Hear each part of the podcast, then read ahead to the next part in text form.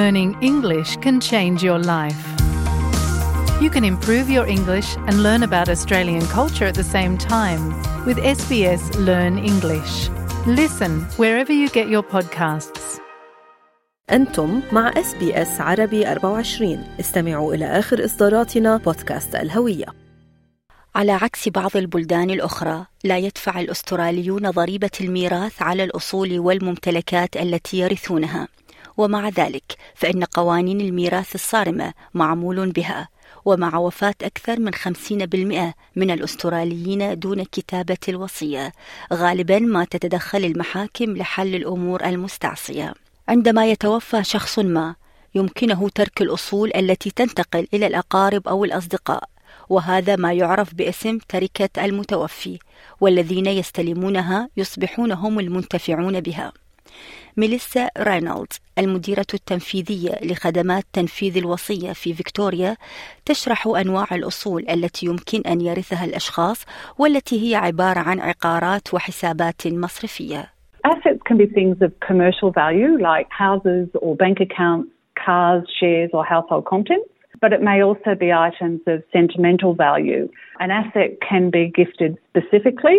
I give my car to person A, or it may be a legacy, like I give my neighbour the sum of $10,000. Or an asset may be left generally. For example, I leave the whole of my estate to my children. ويكون الميراث أبسط عندما يقوم شخص ما بإعداد وصية تحدد كيف يرغب في توزيع ممتلكاته بعد الوفاة ففي الوصية يتم تعيين شخص قانوني يعرف باسم المنفذ للعمل كوصي على التركة مسؤولية المنفذ هي تنفيذ رغبات المتوفي والتأكد من الوفاء بجميع الالتزامات ويمكن أن يكون المنفذ أيضا مستفيدا. ويقول فلورنت آباد الذي مارس القانون في كل من الفلبين وأستراليا إنه في الحالات التي لا يتم فيها تعيين منفذ للوصية قد تحتاج المحاكم إلى التدخل. If there is no appointment in the will for executor, then the Supreme Court will appoint the applicant who seeks to apply for that grant, and that applicant is called a trustee or administrator. The executor is a trustee appointed in the will, and the administrator is a trustee appointed by the court but not in the will.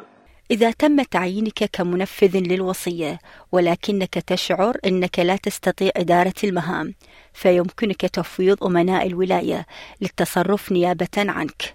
تساعد هذه الوكالة الحكومية الناس بشأن الأمور المتعلقة بالوفاة.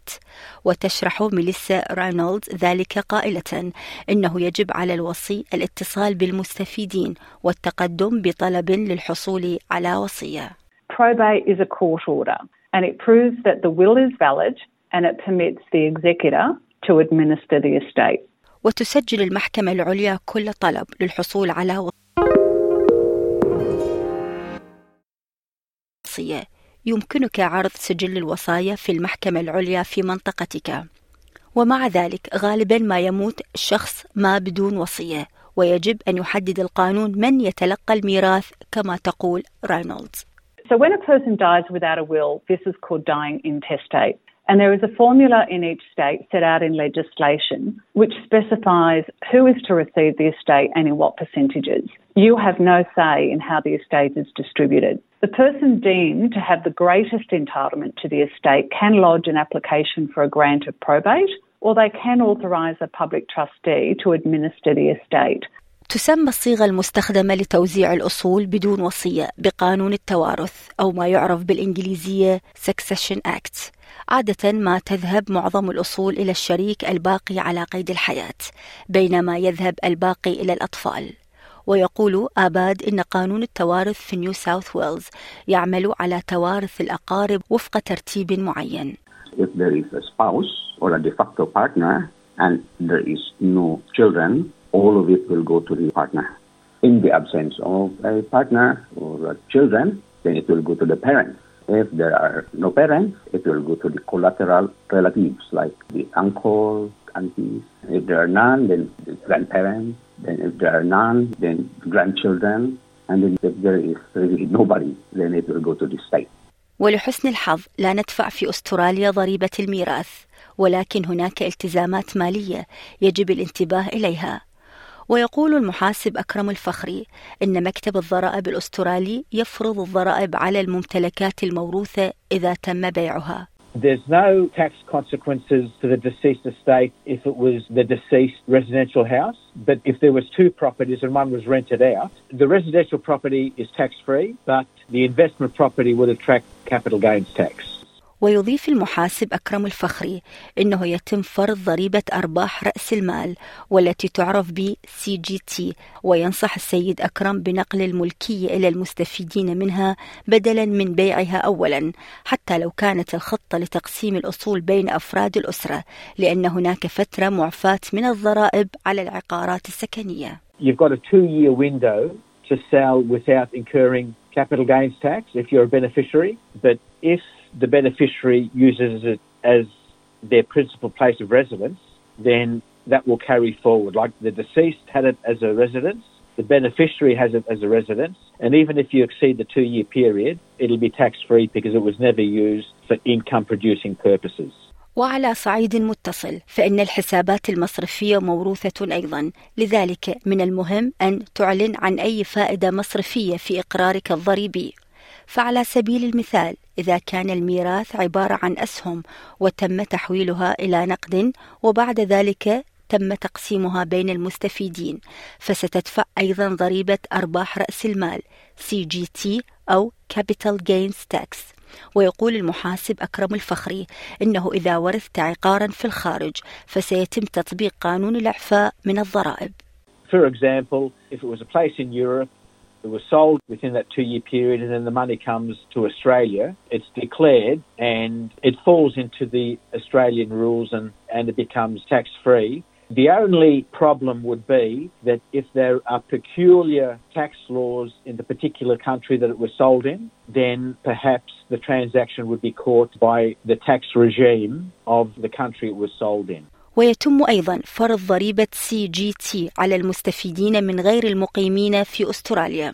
ولكن بهذه الحالة من الأفضل لك طلب المشورة من ذوي الاختصاص. ولكن ماذا لو لم تكن هناك وصية؟ أو كنت تعتقد أنك تستحق الميراث ولكنك غير مدرج في الوصية؟ فلديك الحق في الطعن بموجب قانون التوارث وهذا ما يسمى المطالبة العامة بممتلكات العائلة ويقول فلورنت أباد أن المحكمة العليا يمكنها حتى تغيير الوصية You just have to make a justified claim. You cannot be entitled just because you're a former wife or a son or a daughter. You need to establish the financial connection and how you are being deprived because this is died and there is no adequate provisions being provided to you under the will. So there is no hard and fast rule, but uh, the Supreme Court will take into account the circumstances surrounding your claim.